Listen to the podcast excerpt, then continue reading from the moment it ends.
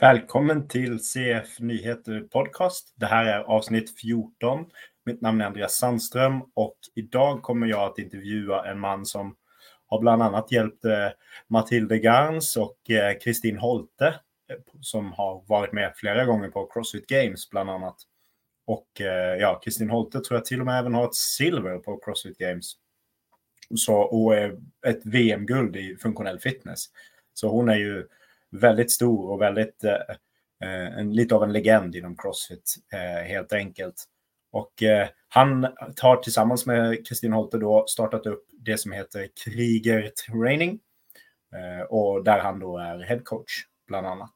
Eh, namnet på honom är, eh, Joakim Ryg och mm, ja, ni kommer helt enkelt få eh, höra mer om hans väg genom Crossfit, Crossfiten och eh, fram till Crossfiten, tänker jag det är lite mitt mål med dagens eh, avsnitt. Och eh, även få höra lite vad han har för tankar och idéer kring träning och eh, ja, crossfit helt, helt enkelt. Um, kanske även lite insyn i, i hur det är att eh, hjälpa just de här eliten inom crossfit.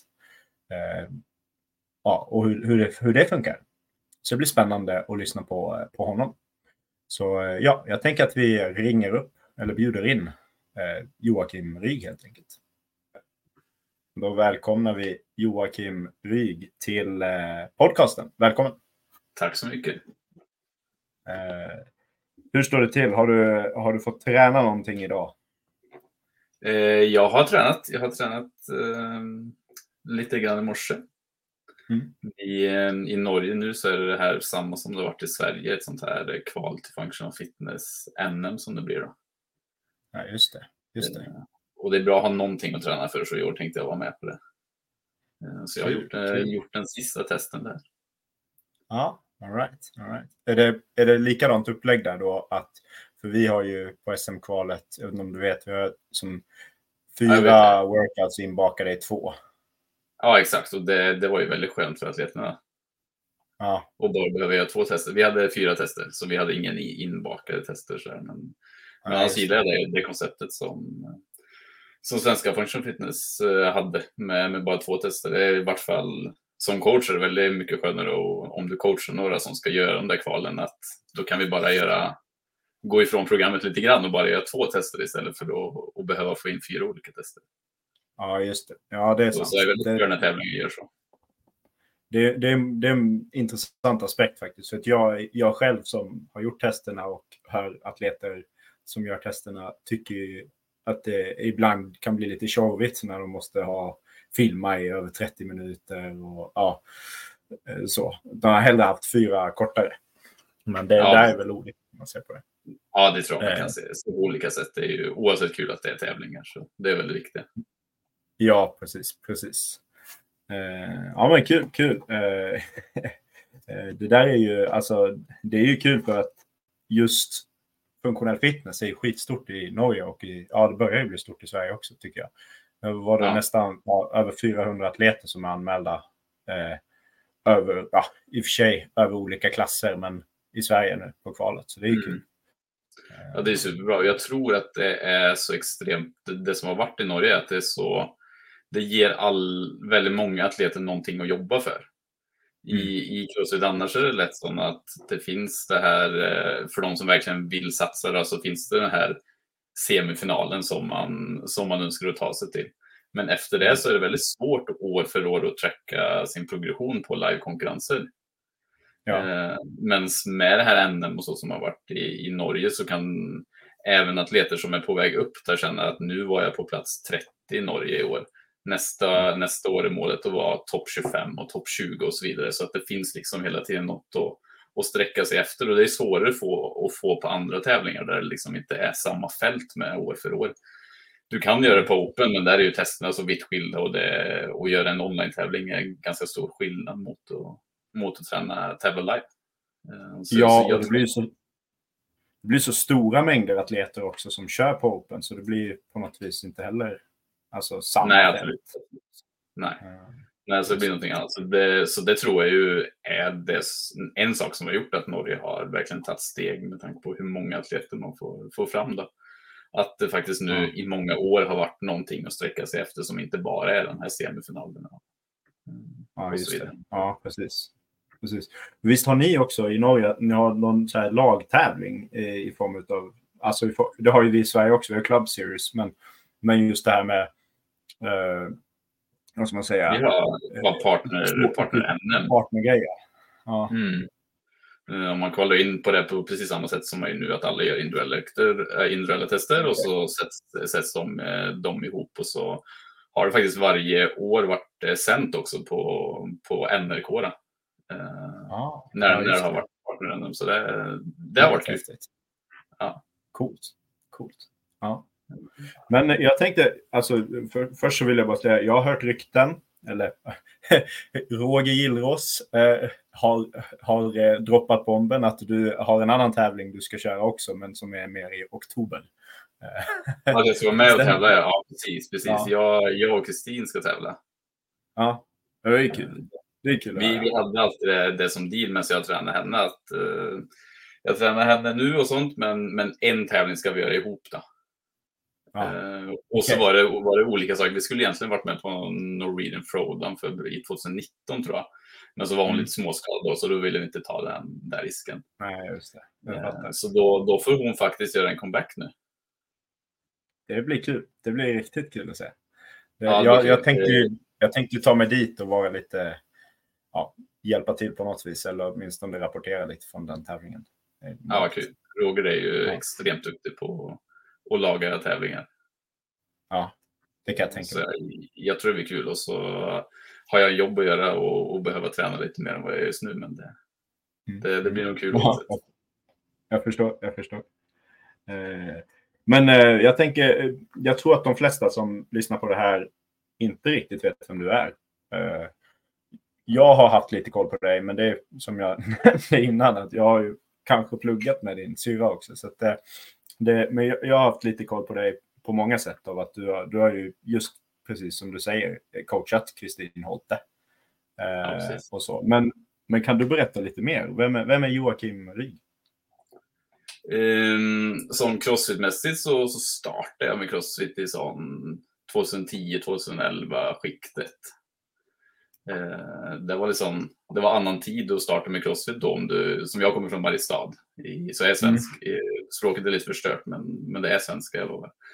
Ehm, så, så där var det ganska svårt och det var ju liksom inte boxar överallt och gym på den tiden var lite annorlunda. Att det, var, det var liksom in, inte de här functional fitness-zonerna som det ofta finns, finns nu med lite rigg och sådär. Så det, det, det var ett sätt att starta då som blev mer som att man, eh, man fick improvisera ganska mycket. Jag kommer ihåg ringmuscle-up, det fanns inga ringar och sånt att finna, finna på gymmet. Så det, då, då fick jag köpa ett par ringar och så gick jag ut i skogen och försökte lära mig muscle-up. Så det var, det var lite mer old school crossfit.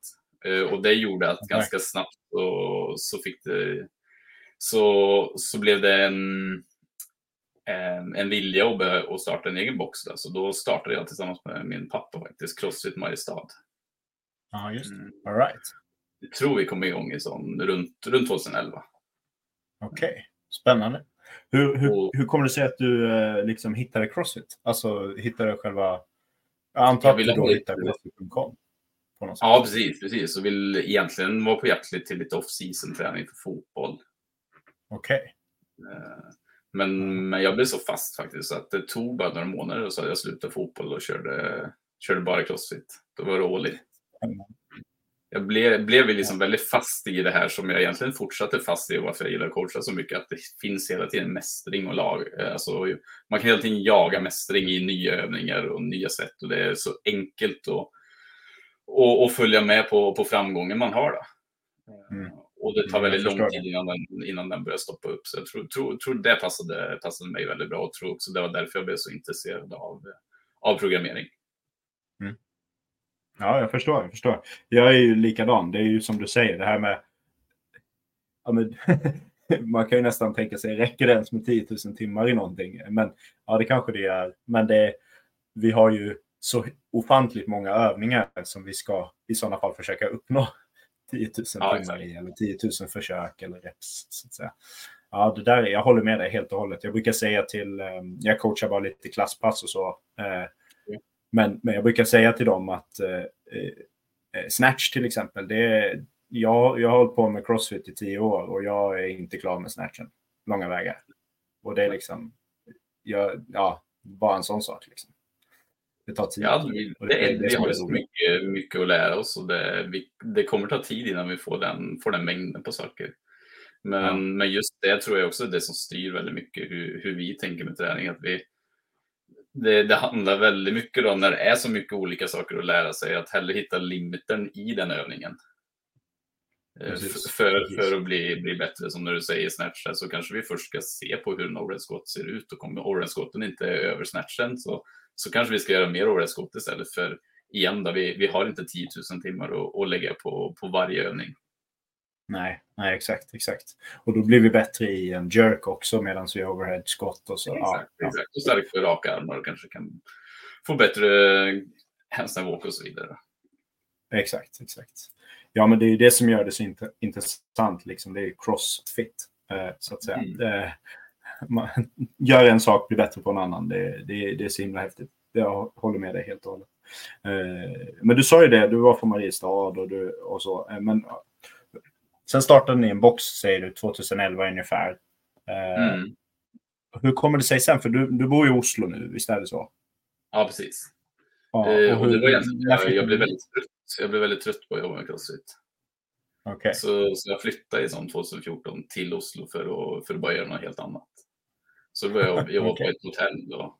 Eh, jag ville gärna träna crossfit, men jag var, jag var liksom, jag var lite trött på att driva en box bara för och tre år är ju, inte, är inte länge, men det var det första jag gjorde efter skolan, så jag, jag ville göra något annat helt enkelt. Eh, mm. Men det tog egentligen, det kanske tog sex månader och så jobbade jag på Crossfit Oslo fulltid. Eh, så det var okay. en ganska kort, ett kort, eh, kort avbrott och, och då trivdes jag, trivdes jag väldigt bra med en gång.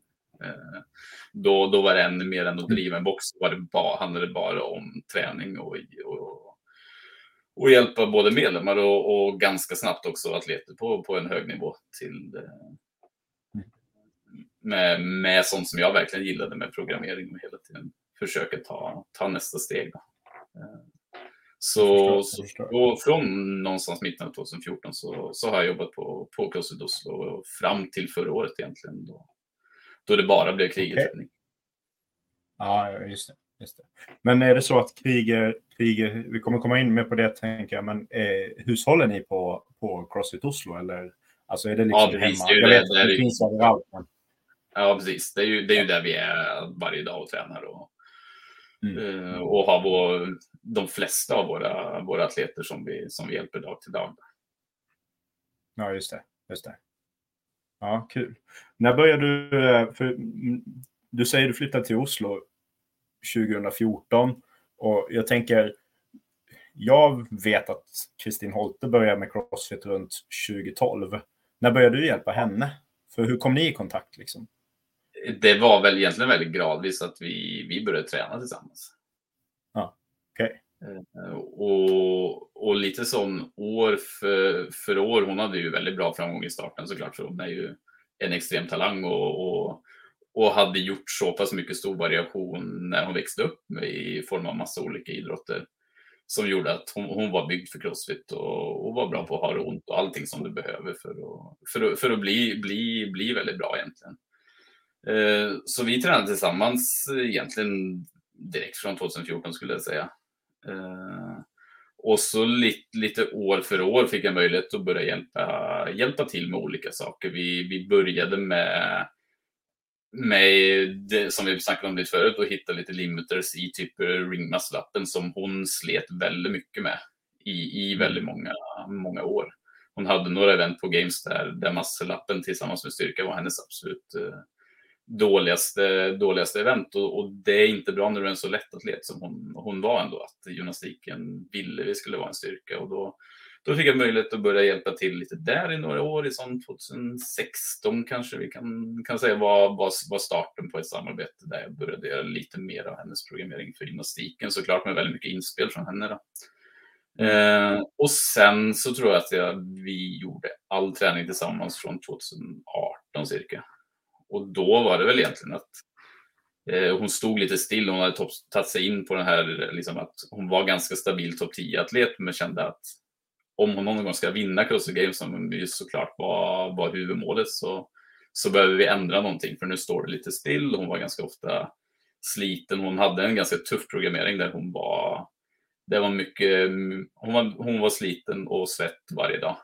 Eh, och mm. så som när vi pratar om träningen så kanske vi kände att det var lite, lite fokus på, på kvalitet på det som behövde bli bättre och lite mycket bara jobba, jobba väldigt, väldigt hårt. Ja, jag förstår. Jag förstår.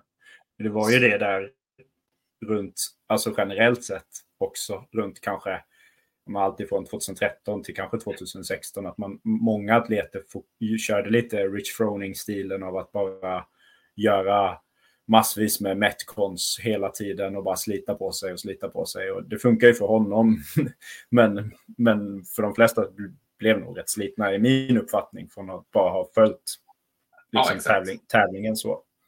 Mm. Eh, men vad intressant, det, det... för att det, mm. det, det, där, det där är lite lite kul att höra att, att ni liksom startade upp och sen så har ni byggt på någonting och så blev det allvar runt 2018. För vad hände? Jag kan ju säga vad som hände, men vad hände 2019 med Kristin Holtes karriär ja? Det var, ju, det var ju en bra start. exakt, uh, exakt. Så i 2019 så vi hade ett jättebra bra träningsår då.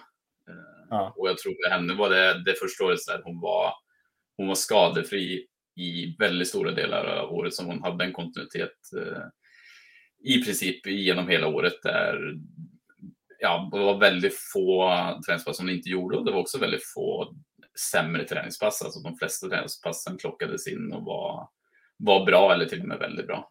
Eh, mm. Och så Träffa Rätt hade en eh, programmering som såklart passade, passade bra och så gick hon och tog andra plats. Ja, precis. Jag kommer ihåg det där man, eh, vi hade ju haft, eh, vad heter han, Lukas Högberg som tog, tog ja, en bronspeng året, in, året innan.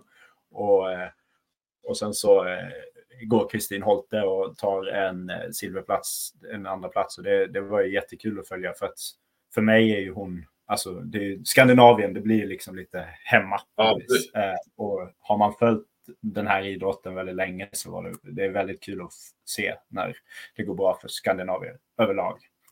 Eh, så det ja, var det, var, det var ett extremt, extremt kul. Eh, det var ett kul år och, och, och på tävlingen också så kände jag att vi efter när vi analyserade efteråt så var det egentligen att vi, vi träffade på varje event. Ja. Med tanke på hennes, ja. hennes prestation och taktiken vi la, la för att det mesta satt liksom hela, hela vägen. Så det var, ja det var väldigt kul. Vet, och, och sen, vet, sen känner jag... Ja. Ja, ursäkta. Fortsätt Nej, jag tror alltså vi, vi hade några riktigt bra år efter det också där det var liksom, det var väldigt små marginaler. Året efter så blev ju Games väldigt speciellt. Eh, med det, att man gjorde Games på, på hemmaplan och så kvalar man in. Eh, det året skulle jag säga kanske var det året hon var som allra bäst. Eh, och så var det väldigt små marginaler som gjorde gjorde att hon inte kvalade in. Det var en sån två sekunder på vilket event som helst. Hade hon, mm. hade hon haft en femteplats och hon kom, kom sexa och det var fem som, fem som kvalade in. Ja, just det. Just det. Precis. Så, så avslutningen var de sista åren som vi, vi hade där var extremt, extremt bra skulle jag säga. Mm. Att hon, var, hon, hon hade en extremt hög nivå tack vare att Eh, hon, hon, tog väldigt mycket ägarskap i sin träning också med tanke på att allting skulle göras med kvalitet och, och vi skulle samla goda, goda träningsår. Så. Ja. ja, och det, det, tycker man ju att det har man ju märkt. Jag var ju på VM i, i Norrköping när hon gick och vann VM-guld i funktionell fitness. Eh, jag var där och hjälpte till och eh, hade som det, det, var, det, var, så häftigt att se. För det var som, hon, hon gick ju runt och det lilla jag såg gick runt och var glad hela tiden. Liksom. Det, jag, jag, tycker att eh, alla atleter på hög nivå, det är, det är inte alltid så det ser ut. Jag vet inte vad du har för bild, men det är många som är väldigt fokuserade hela tiden. Det kändes som att Kristin, hon var, nu vet jag inte om det var för att det gick så bra, men det, men det förstår du, alltså hon, hon känns ja, som en väldigt glad tjej och ja, det, det ligger någonting kanske i just det där att man har man tränat och haft det bra i träningen så, så är det lättare att slappna av på tävlingar också. Jag vet inte. Ja, exakt. Och så har hon ju tävlat i väldigt många år och, och funnit ut vad som fungerar. Och, och har jobbat extremt mycket med, med mental träning för att kunna få ut det hon ska på konkurrensgolvet och då också lärt sig hur hon ska vara i vart fall runt på tävlingen för att det ska gå så bra som möjligt på, på tävling. Så kanske det är andra som, som det passar att fokusera hela tiden. Men för hon, hon var väldigt duktig på det här och man sätter en plan i starten av dagen och så bestämmer man när man ska fokusera på eventen och när man ska fokusera på annat. Ja, just det. Ja, precis. Så, men, men, min uppfattning är att sånt, sånt går sig också till över åren. Alltså att det, det är mer nervöst och, och, och spänt de, de första gångerna man tävlar. Men när man har tävlat i tio år så kanske det är lite mer avslappnat och man, man börjar både bli mindre nervös och sen också lära sig vad, vad ska till för att jag presterar så bra som möjligt. Ja, just det. Ja, precis. Det är sant. Hur, hur, hur är det där som coach när man är, säg på games eller på en semifinal eller där det verkligen gäller om man säger så, där det verkligen är jätteviktigt att prestera och, och ändå kunna på något vis, för jag antar att då sitter ju ni och kanske kommer överens, nu vet jag inte Kristin Holte just, men generellt sett att man sitter och kommer överens om en plan för men nu ska vi börja fokusera på det här eventet. Eh, och, ja, men nu, nu, är det, nu är det chill, nu käkar vi och så vidare. Hur, hur är det som coach? Får du liksom styra atleterna väldigt mycket till att ja, men nu, nu är det dags att fokusera eller nu är det dags att ta det lite lugnt och tänka på annat? Eller hur, hur, hur, det, hur jobbar du där? Det är ju extremt, extremt individuellt på, på alla atleter. Ja. Det, det vi gör för, för en sån konkurrenshelg är ju att vi, vi sätter en tidsplan alltid. Mm. Eh, så att atleterna ska veta vad de ska göra till en var tid.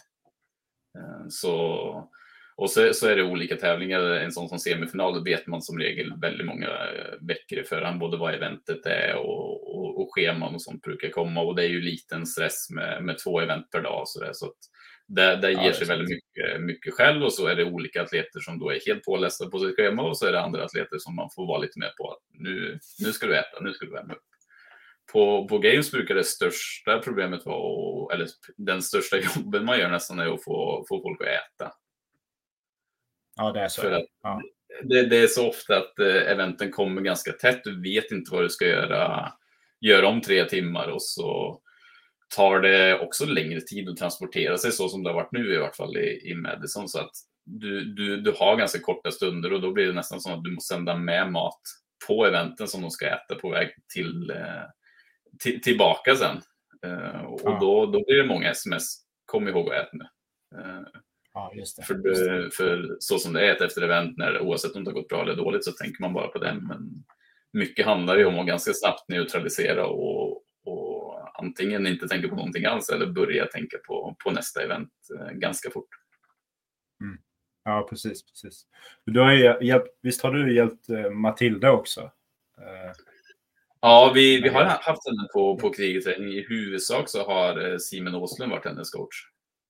Ja. Mm, som, som är en annan av, av, coacherna som är både på Crosset Oslo och på, som jag jobbar väldigt mycket tillsammans med. Okej. Okay. Mm, mm. Så, så som det var nu, nu i år så var jag mer ansvarig för eh, både Seher och eh, Navy Blue. Och så hade just, Simon just. Eh, Matilde i huvudsak tillsammans med att hjälpa, hjälpa några av de andra teamen som vi hade. Ja, just det. För ni hade ju, det kan vi ju faktiskt säga också, ni hade ju rätt många, många Oslo-lag nu senaste Games och även året innan var 2022 tror jag. Ja, precis. Vi har, har ju haft en liksom att, lägga till ett lag varje år nu egentligen. Från 21 så hade vi Navy Blue och så 22 så hade vi två norska lag, eller två, två Oslo-lag. Eh, ja. Eh, och i 23 så hade vi tre Oslo-lag. Just det, just det. Ja, intressant det där, för där, där blir det, hur, hur, funkar det då som coach, som coach, tänker jag? Då ska du på något vis coacha ett helt lag, men också individerna i laget. Eh, mm. När det kommer till allt ifrån att käka till att hålla en plan för dagen. Och den kan se olika ut, tänker jag. Eh, mm. Berätta, vad, hur, ser det ut jämfört med individuella? Jag skulle säga, in, att vara individuell coach på Games, om du bara har en atlet i vart fall, så har du ganska god tid och sådär. Eh, mm. Så fort det blir lag så är det fort att det blir i vart fall många fler saker att, att tänka på. Då är det både, både det du säger som, som för alla är att då, då är det oftast fyra stycken som kanske ska ha lite olika uppvärmningar till eventen.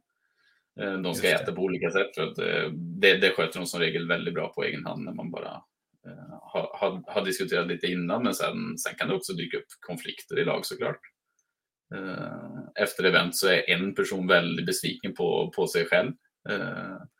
Ibland kan andra vara besviken. Det, de sista åren tycker jag Navy Blue har varit jättebra på det. Att man, man vet själv om man är besviken, men att det, det, är ofta som att du kanske har en eller två personer som du verkligen måste, måste få klara till nästa event. Mm. Vi, vi hade semifinalen som var nu förra året så var Nikolaj på den Navy Blue-laget, han var jättesjuk under hela semifinalen. Okej. Okay. Hade ganska hög feber och sådär, så då, då gick väldigt mycket av tiden till att bara se hur han mådde och känna att han var, var klar till, till nästa event. Ja. Vad imponerande att, att, få han och, att få dem att kvala då, trots att man har sjuk. Ja, ja, exakt, exakt. Jag tror att så som den semifinalen såg ut så var det inte så många som var så imponerade av det laget, men jag var väldigt imponerad av hur de, hur de kom sig igenom mm. den här. Ja, det förstår jag. Det förstår jag verkligen. Eh, med tanke på motståndet också. Med no, no, vad heter no Shortcut som, som var där och skulle slåss. Och jag tror att även Walleye hade och Prestanda. Eh, minns jag inte vilken semifinal ni tävlade i exakt. I, men det var ju var ändå stort var... motstånd i Europa. Liksom. Ja, mm. Vi diskuterade det här på, på mitt gym här. Jag tränar på Garaget Crossfit. Och de har ju ett lag som, som kommer att satsa här nu under, och försöka ta sig till semifinalerna. Okay. Eh, men vi diskuterar att det är nästan ibland lite svårare, i alla fall i Europa, att, att kvala till kvartsfinaler än ja. att kvala till, eh, till semifinaler. För att där blir det på något vis att har du, som i ert fall gissar jag på, eh, på Crossfit Oslo, då kan ju ni på något vis använda alla möjliga individuella atleter att hjälpa till mm. Eh, mm. och få, få laget score att, att liksom hamna högt ja, upp på leaderboard. Så, så, som det ser ut är ju att i, i open roastern som du lägger kan du ha hur många atleter som helst. Mm. Eh, som gör att både för oss kanske som har många individuella atleter att då kan vi sprida ut dem lite på olika lag. Men, men också stora boxar som bara som har ett lag. Att det är väldigt många ja. personer på ett lag som har någon som är stark och någon som har väldigt god kondition.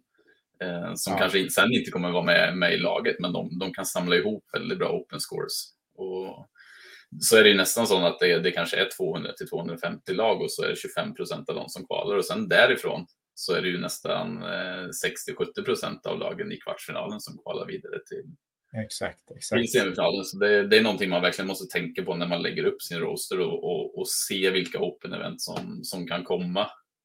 Ja. Eh, och, och, då särskilt de styrkeeventen betyder ofta ganska mycket. Eh, mm.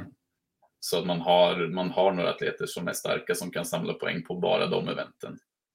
Ja, och lite andra, ja. andra vägen om det är sju minuter burpees som bara har någon som är, är god på burpees. Men de behöver inte vara bra på någonting mer för att bidra i laget. Nej, nej, det är sant. Det är sant. Det där är, det där är intressant. Kolla, vad var det förra året? Flutter runs och burpee pull-ups. Liksom. Där kan man ju hitta riktiga specialister. Liksom. Men mm. samtidigt så då har du ju någon som istället sen tar thruster-delen av det. Det som kom efter. Ja, där kan man ju verkligen toppa laget på det viset. Mm. Eh, ja, så det, det där blir spännande och det, det, blir kul att följa för att på något vis så kan de bästa lagen, om de är på en liten box, så kan, kan de på något vis tappa på det väldigt mycket, tänker jag. Mm. Eh. Ja, det är lite, lite synd såklart. Ja. Så är det fortsatt ganska så många lag som kvalar vidare. Men jag tror att eh, i Europa i år så tror jag att det blir jättetufft. Det är väldigt, väldigt många goda team med. Ja, hur ser det ut i Oslo eller i Norge? Eh, men framförallt i Oslo tänker jag, eh, hos, hos er på Kriger. Hur, har, ni, har ni en plan? Hur många, hur många lag satsar ni på och så vidare? Nu har ni ett rykte av att ha många på, lag på Games, tänker jag. Ja, precis. Och det är ju så som det är hos oss. Det, det är så många som, som önskar att gå team. Mm. Eh, så på krig totalt. Vi har försökt göra jobb och, och, liksom, och hjälpa de flesta som följer krigen och vill ha ett lag eh, som är på den nivån och få till och det har vi inte klarat. Men jag tror vi har 12 krig i lag eh, i år. Alltså, som, men, men det är runt om, om i Europa och så tror jag att sex eller sju av dem är på, på Crossfit Oslo. Okej. Okay. Ja, spännande, mm. spännande. Det är, ja, det är många, det, det är många bra lag och, och vi försöker verkligen tänka när vi sätter ihop lag på att det ska vara så så lika atleter som möjligt. Mm. Det, är, det är väldigt lätt hänt att du, du bara ser på, på resultat som har varit i, i kanske NM eller Open eller sådär. Men, men det vi vet när vi väl kommer till semifinalen är ju att det, det är väldigt bra att få goda scores. Och sen så hjälper det inte och om det är fyra individuellt bra atleter, men en är lite sämre på handstand push-up, så man tappar eventet med handstand push-up eftersom det mesta är synk, eller i vart fall att alla behöver göra det. Och så är det en ja. annan som kanske drar ner laget på, på styrkeeventet. Då är det nästan bättre att alla som är dåliga, dåliga i, eh, alla som är på semifinalen är goda på handstand push-up. Men, men i förhållande till fältet, att det kanske är bättre att fyra stycken som sliter mer med handstand push-up är på samma lag. Så då tappar man bara det eventet. Så, så vi gör ju väldigt mycket sånt när vi sätter ihop ihop de här lagen så mycket på längd så att man, eh, alla kan hjälpa till bra med wormen. Och så vidare. Ja, just det. Ja, precis, precis. Ja, jag förstår. Jag förstår. Det där är, mm, det där är intressant faktiskt att höra. Men kul att ni är så många för att det där är, jag tror att eh, ni har ändå byggt upp det här nu av att ja, det kommer att finnas Crossfit Oslo-lag på Games. Liksom. Eh, om man mm. ser på ett så här eh, eh, lokförarlag då? Hur, kan, kan du berätta hur kommer det se ut i år? Alltså det, det, det lag som ni kanske satsar mest på, det som ni tror kan prestera som bäst. Ja, alltså det, det är lite svårt i år och det är inte för att vi, vi inte har något, något bra lag, men vi har väldigt många bra lag vill jag säga. Mm, mm. Eh, så, så, så jag är, jag är sån lokförarlag eh, från Oslo skulle jag säga är, det kan vara tre olika lag. Okej. Okay. Eh, alltså, jag, jag, kan liksom inte säga, jag tror att alla de har en, alltså kommer konkurrera bra runt topp 10 ja. i, på Games. Men, men jag kan inte veta vilket, vilket av dem som, som, som kommer att vara Nej. bäst. För det, det tror jag beror mycket på, på eventen och sådär. Men vi, vi, vi har tre, tre, fyra, fem, ja vi har, vi har många, många bra lag. Ja. Ja. Och så försöker vi i år hjälpa prestanda så bra som möjligt. Eh, Just det. De har också, också ett väldigt, väldigt bra lag såklart. Från, det, det såg vi bara förra året. De, de fortsätter ju bli bättre. Även om ja, Alexander är gamla så blir de ju bara bättre. Ja, men de, de är ju det där, alltså, för det, det kan man ju säga, de, är väl, de kan väl räknas som ett krigelag egentligen, för att du har ju ändå och nu vet jag inte hur det ligger till med Alexand Alexander, men Verena, eh, Maria och eh, Viktor kör ju kriger. Eh, så vitt jag vet. Ja, precis. precis. Det, det vi ser eh, det, som ett krigarlag det är om de önskar coaching av teamet. Eh, och okay. det, det, har de gjort, gjort, gjort, i år. Då, så så mm. i år har de eh, Stefan som en krigcoach som, som, som tränare och vi hjälper dem med programmeringen på, på alla samlingar och så där. Och så, så, så hjälper vi dem så bra som möjligt individuellt också om, om de behöver det och det är ju lite olika, olika konstellationer. Eh, men, men jag har jättetro på dem. Jag tyckte de var imponerande redan förra året, men, men såg också att de hade små saker där de kunde fått en, ut ännu mer potential. Mm. Eh, det, tror jag ligger, ligger bra till. Det är ju ofta så att man ser att andra året när ett team har varit har varit tillsammans så, så går det en del bättre för man har fått den erfarenheten. Ja, precis. precis. Ja, det ska bli spännande att följa prestanda och alla Oslo-lag faktiskt. Eh, helt klart. Eh, på tal om det här med coaching, eh, att ni har, har lite coacher där eh, på Kiger. Hur, hur, hur, stort är Kriger egentligen? Alltså hur, hur, eh, hur många coacher har ni? Hur, hur ser liksom verksamheten ut eh, utöver lag och individuella atleter? Så att säga? Ja, alltså det, det vi startade med var att vi såg att vi hade fått ganska bra resultat med Kristin och att över tid så hade kanske träningen blivit att den såg en del annorlunda ut i vart fall än vad många andra drev på med och vi såg att andra atleter började komma upp som följde samma, samma typ av struktur under veckan och så där. Så då kände vi att men det här kanske vi ska, ska börja sprida, sprida ut mer. Då. Så vi startade med ett onlineprogram för tre och ett halvt år sedan. Mm. Så då, då var det bara jag och Kristin och så hade vi, hade vi god hjälp av, av Simon Åslund som jag snackade om, om tidigare och, och andra mm. coacher på Crossfit Oslo så, såklart. Då. Sen, sen har det växt eh, ganska så bra så nu har vi har vi fortsatt det här on online-programmet med kanske runt 700 som följer det. Eh, som gör jätte, jättekul och som, som har gett oss mer, mer möjligheter till att kunna göra de här grejerna med team och så vidare. Eh, och så har vi nio online-coacher så som det ser ut nu. Eh, och gör också en boxprogrammering. Programmering. Ja, just det. Just det. Så det är väl de, de tre, tre, tre grejerna som vi, som, som vi gör. Då. Ja. Och så har vi på, på Oslo så är som jag sa igen, då, det, det är ju där vi coachar de här dag, dag till dag atleterna. Ja, ja precis, precis. Och där har vi ju liksom många stora namn också. Du ska väl nämnas att liksom André, Andreas Solberg kör väl, kör väl med er eh, bland annat. Eh, eh, nu kan inte jag uttala hennes namn. Kajsa Saja? Saja? Uttalar man hennes namn? Seher. Seher, så är det. Just det. Seher. Ja, ja. Ja, det, och hon är väl också up and coming atlet sådär. Ja, jag, jag har jättetro på, på, på, på henne eller på, och André också för den delen. Hon har hållit på länge men hon, hon blir gradvis lite bättre och för henne är det så att bara hon blir lite starkare och som hon hela tiden blir så, så tar hon mm. extrema steg i, i väldigt många, eh, många områden. För det är liksom det är bara där hon saknar lite mot, mot den absoluta världseliten. Ja, precis, precis. Sen har ni också eh, eh, Hodemyr, som jag förstår mm. det är en väldigt duktig atlet också. Så att, eh, som kanske tar ett kliv individuella, individuella, om jag förstår det. Eller kör hon lag ja, även nu? Vi, vi får se lite vad hon har för planer. Ja. Ja, tror, det är inte lätt att bestämma sig. Ja, jag, nej, jag tror inte hon har gått ut med något. Så hon, hon, hon gör det. Eh, men hon har absolut väldigt, mycket mer i sig om hon, om hon önskar det. Ja, jag förstår. Jag förstår. Nej, så vi, vi har ju haft den, den turen skulle jag säga. Eller att det, det är väldigt många av de här atleterna som har växt fram på Oslo tror jag för att de har haft en så bra, bra förebild som Kristin. Mm. Uh, och framförallt kanske att hon, hon har liksom gjort det okej okay att satsa fullt ut. Uh, att, man, att man ser både vad som är möjligt men också vad som krävs för, för att bli så pass god.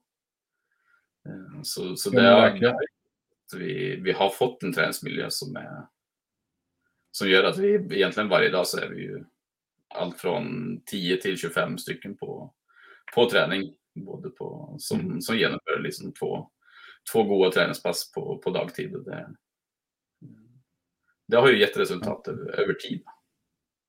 Ja, verkligen. Verkligen. Och det är, det är kul att följa och jag tycker det, det är häftigt att se alla som ja, men, som ni hjälper oss. Som, att, att liksom just, ja, men, lite som, det blir lite den här Islandseffekten som var för några, för, för nästan tio år sedan. Det här med Annie och, och eh, Katrin som liksom att det växte, växte ur dem på något vis. Eller framförallt ur Annie Thorstdottir. Men, men, mm.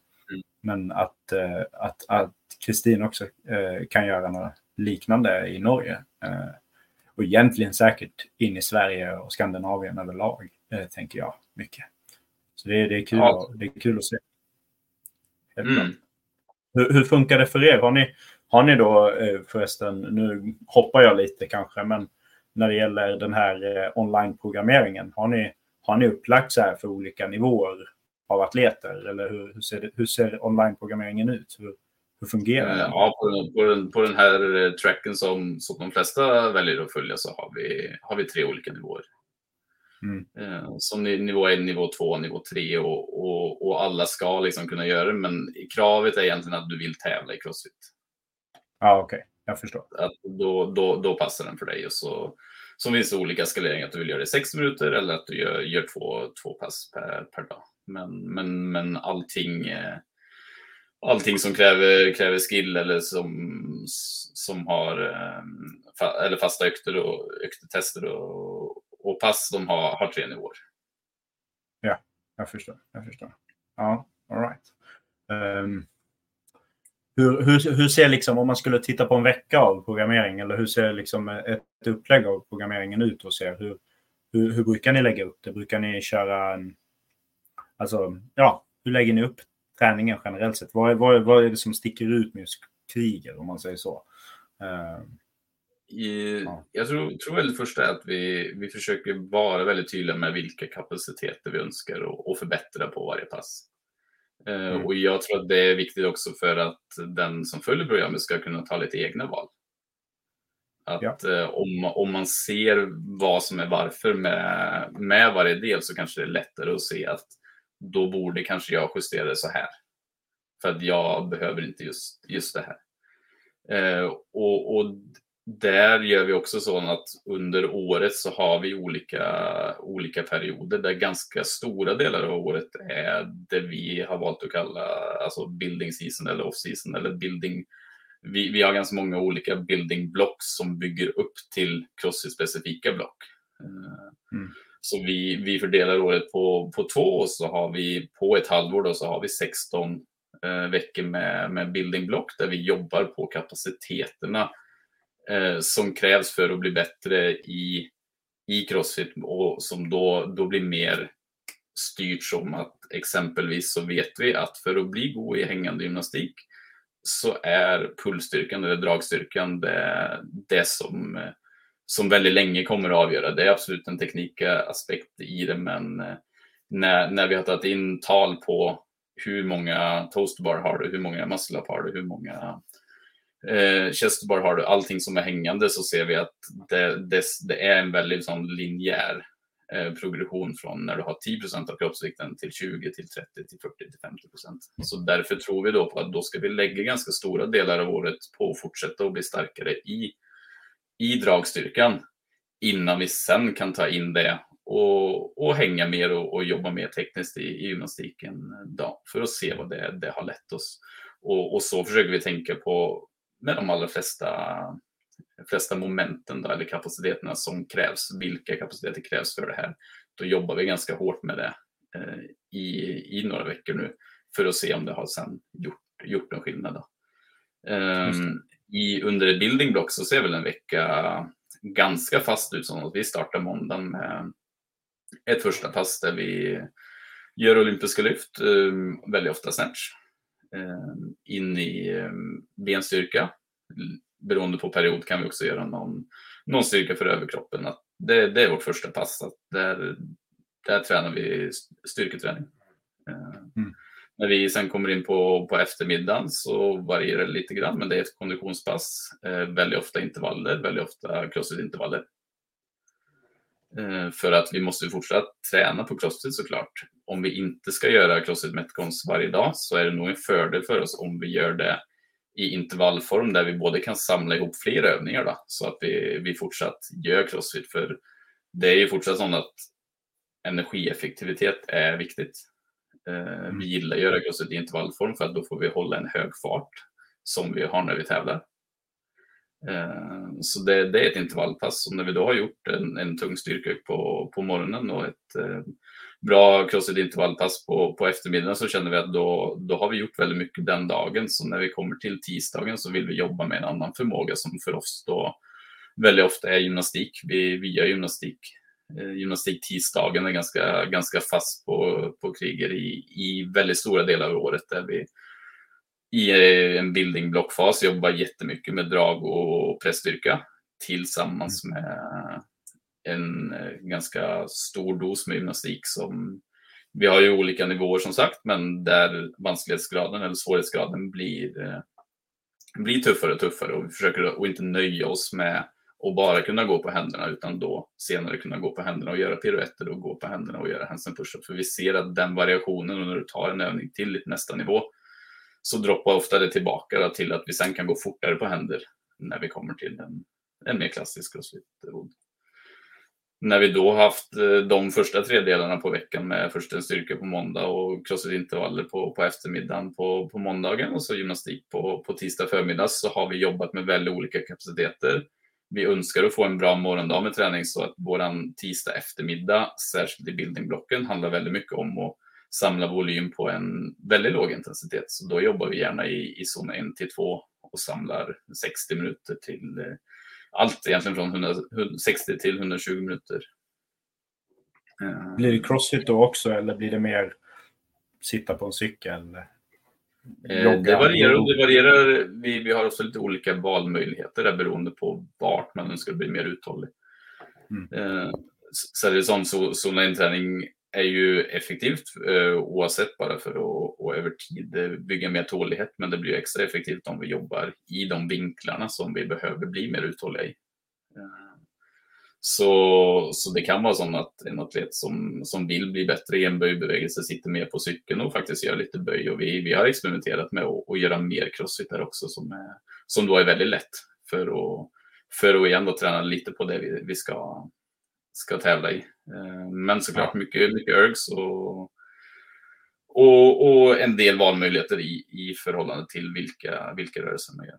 Och, och, vi känner att tack vare den och att det blir en lugnare tisdag generellt så har vi då lagt det upp för att onsdagen ska kunna bli en, bli en hårdare träningsdag igen där vi får gjort eh, en del av styrketräning som vi kanske inte gjorde på måndagen eller som vi vill ha en hög frekvens i och kanske göra flera gånger i veckan. Eh, som då kan komma tillbaka på, på onsdagen. Väldigt ofta den onsdagen är eh, att vi tar det lite lugnt med, med axlarna eh, eftersom vi hade den gymnastikdagen på, på tisdagen. Men, men som ett första pass med, med ganska mycket styrketräning för den, för den generella atleten i vart fall.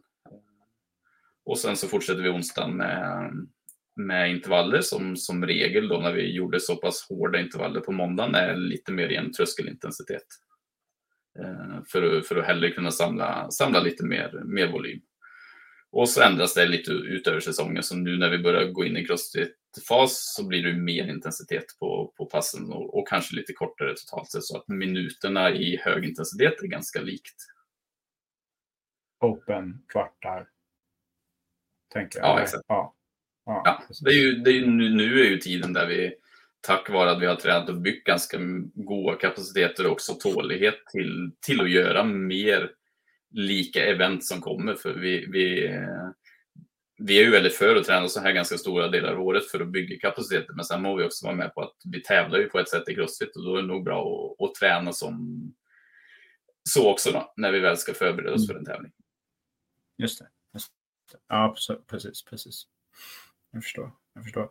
Ja, och sen antar jag, men nu vet jag inte, men hur ser torsdagarna ut? Det är ju lite Crossfits internationella vilodag. Ja, den är internationell vilodag för oss också tillsammans med eventuellt, eh, eventuellt lite simning, eventuellt mer tid i väldigt låg, låg intensitet. Men, men vi, ja. vi är ju ganska för och, och, det är få, få atleter som, som vi tränar som, som tränar den dagen också. För vi, vi har ofta experimenterat med att ha bara en vilodag i veckan för att se om, om volymen vi skaffar oss är, en fördel. Där. Men det känns som att kvaliteten går ner så pass mycket och motivationen håller sig inte lika hög på, på väldigt många i vart fall när vi, när vi går Nej. ifrån det. Så, så den är internationell av en anledning. Så då, då får vi hålla den där. Jag förstår det. Jag förstår det. Eh, och sen fortsätter ni med hur ser, hur ser fredag och lördag ut sen då? Är det liksom är det lite likt hur eh, onsdag och måndag såg ut eller eh, har ni något ja, specifikt precis, där? Det, det, det, är ganska likt med tanke på att fredagen är ganska lik eh, måndagen och så är eh, lördagen ganska lik onsdagen. Men vi stoppar in lite mer gymnastik och så på fredagen gör vi också som regel egentligen året runt att då håller vi det till en crossfit-specifik workout så att man igen fortsatt får träna på att göra crossfit. Och, och det är också där man kanske över tid känner lite på progressionen att okej, okay, men nu är faktiskt toast bar lättare. Eller, eh, nu, nu klarar jag, alltså nu märker jag att min uthållighet har blivit bättre. Mm. Eh, så, ja, så, vi tror ju fortsatt på att göra crossfit eh, och jag tror att en del ska göra crossfit väldigt ofta för att vi måste ju bygga rörelseeffektivitet. Men eh, vi tror att när vi lägger upp det så så är det väldigt många som, som klarar att hålla kvalitet på det också. Och, och där kropparna mm. håller över, över längre tid. Ja, precis, precis. Det låter, alltså man ska säga så här, utefter hur jag har tränat och varit många olika träningsprogrammeringar så låter det ju väldigt, vad ska man säga, inte likt men, men det låter ju lite som att det, man har kommit till just det där att ja, men man håller längre på det sättet. Uh, mm. Verkar det som. Uh, så det, ja, det och så är det, det är olika atleter för vi vet ju att det är många andra programmeringar som lyckas, lyckas väldigt bra också där det, där det är mer crossfit ja. hela tiden jag tror ju någonstans man som, eh, som atlet må, eh, att det är bra att testa ut lite olika saker och, och känna, vad som, mm. känna vad som funkar. Ja, precis. precis. Du som ändå har... Ja. Ja, ursäkta. Fortsätt. Nej, nej, men det är ju en sån sport att det, alla kommer från olika håll och med olika kapaciteter och med olika träningsbakgrund. Så att, men det i en del sporter i vart fall är ganska sån, det är mer tydligt hur alla tränar och att det är så vi får bäst framgång. Att det, det skiljer ganska lite från, eh, från person till person så tror jag att crossfit tror jag alltid kommer skilja ganska mycket. Att det, är svårare ja. att finna, finna en modell som funkar för, för allihop. Ja, ja, precis. I alla fall väldigt, väldigt länge till innan liksom mm. crossfiten är så pass etablerad i ungdomen. Liksom, att, att, att man gör den tidigt. Liksom. Så att, eh, då kanske man bygger upp någon form av likhet i atleter också. Jag vet inte. Men, det, ja, men jag kan ändå förstå att det, det eller jag, jag, vet ju, jag ser ju att det, det, är ju på det viset att det är ju väldigt olika. Men det leder mig lite in på min andra fråga som jag har. Ni har väldigt många atleter som, som kör programmeringen. Eh, och du gissar jag på även kollar på liksom hur, det, hur egentligen hela världen gör, eh, eh, ja, eh, vad de tränar och hur, hur, vad de är bra och dåliga på. För det blir ju lite det man tänker jag att du ska, du ska skriva träningsprogram för att, för att krigaratleterna ska bli så duktiga mot alla andra som möjligt egentligen. Eh, mm. Och mot sig själva såklart. Men, men då är min fråga lite åt, åt hållet av vad ser du att, om vi tittar kanske framförallt Europa och Skandinavien, vad ser du att vi är väldigt bra på eh, när det kommer till, och, och vad är vi väldigt dåliga på och behöver jobba mer på när det kommer till just egentligen crossfit och att tävla i crossfit? Var, vart har vi våra weaknesses och våra styrkor? Eh, generellt så är vi ju goda på uthållighet och vi behöver bli starkare. Ja, ja det är så ja. Ja, det är så, så, så enkelt. Eh, ja, alltså på över det stora hela så är det ju sånt. Vi, mm. Mm. vi har ju i, i alla de här åren i vart fall sett att vi har ju inte sett oss som supergoda löpare, men varje gång vi kommer till, till Crossfit Games så har det gått ganska bra med löpning exempelvis. Men, mm. vi har inte varit där på, på styrkeeventen. Så det är ju, och, och, det är ju det jag, alltså, det är ju mycket tradition också. Nu ser jag kanske mest på, på Skandinavien mer än hela Europa, men att eh, de flesta kommer ju in i Crossfit med en ganska god kondition. Att det, det är en tradition i att, att göra mer uthållighetsträning än, än styrketräning. Eh, men, men det kanske är lite tvärtom i, i, ja, i USA. Ja, precis. Ja, okej. Okay. Ja, men det är, väl, det är väl helt enkelt så att både Norge och Sverige och ja, egentligen hela Skandinavien, Danmark, Finland också, Island, att vi har en så pass god idrottsgrund att stå på mm. samhällsmässigt. Att eh, det blir mycket konditionssporter. Det blir simning, löpning, orientering, fotboll, hockey eh, och så vidare. Liksom att skidor framför allt Eh, i Norge kanske. Eh, mycket gå på tur som ni gör där också. Eh, och eh, då, då blir det ju mycket kondition, det är sant. Det är sant. Eh, ja. Men hur, eh, hur, eh, alltså vad ska man säga, hur tycker du att det har sett ut över åren? Då har vi blivit starkare i Skandinavien eller i Europa jämfört med tidigare? Eller har du kunnat se någon, någon sån förändring? Ja, ja, jag har inte gjort en stor studie på det här. Nej, eh. Generellt de, de vi coachar så har det ju gått bättre de sista åren med styrkeevent än, eh, mm. än i starten. Men det är också för att hela, hela nivån har, har höjts. Eh, men så som jag känner det, att det är väldigt många atleter tar sig dit, att de blir, blir starka. Precis som många amerikanska atleter tar sig dit, att de blir, blir uthålliga. Det är bara att det är ju mm. där det krävs mer år för att det finns ju ingen träningsbakgrund på, på samma sätt. Nej, nej just det. Ja, jag förstår. Jag, förstår. Så, så, ja. så jag skulle säga att det blir bättre. Uh, och särskilt på, på damsidan nu så är det ju många, många europeiska tjejer som gör det minst lika, lika bra. Mm. Mm. Ja, precis. Om vi ska avsluta, jag tänkte, jag, jag, skulle, jag gillar ju ändå att ställa den frågan, men, men eh, jag vet inte om du gillar att svara på den. Så jag, jag testar ändå. Vad tror du att, hur tror du att, eh, vilk, vilka norska eller svenska atleter tror du kommer att vara lite, som vi ska hålla koll på i år när det kommer till just gamesäsongen tänker jag. Framförallt norska eh, atleter skulle jag väl vilja fråga kring. Som, som vi kanske inte riktigt har jag tänker de generella har vi, har vi kanske koll på. Men är det någon som vi ska, när väl semifinalerna kommer, som vi ska hålla ett extra öga på?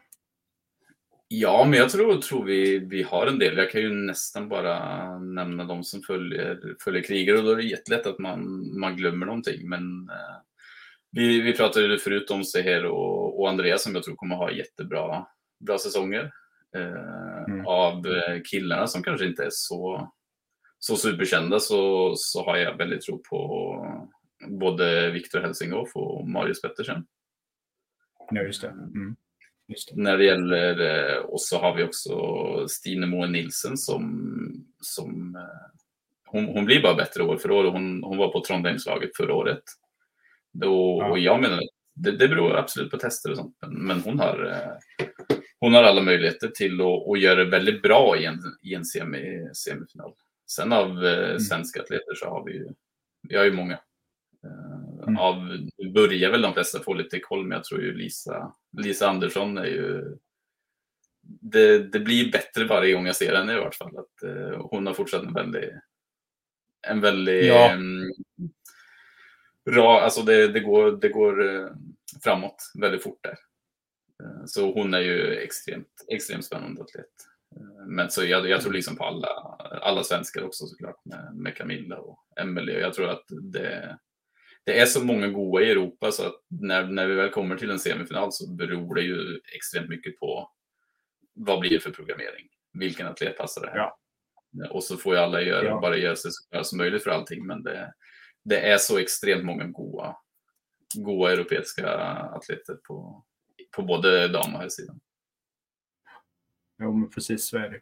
Och det ska bli spännande att se för att det känns ändå som att Skandinavien, nu såg vi lite på vår Pelusa också, det var ju skandinaviska atleter i toppen på liksom, ja, framförallt på, på, lag, på lagdelen där. Eh, och jag tror att vi kommer fortsätta se det i semifinals, när, när vi väl kommer till Lyon. Liksom.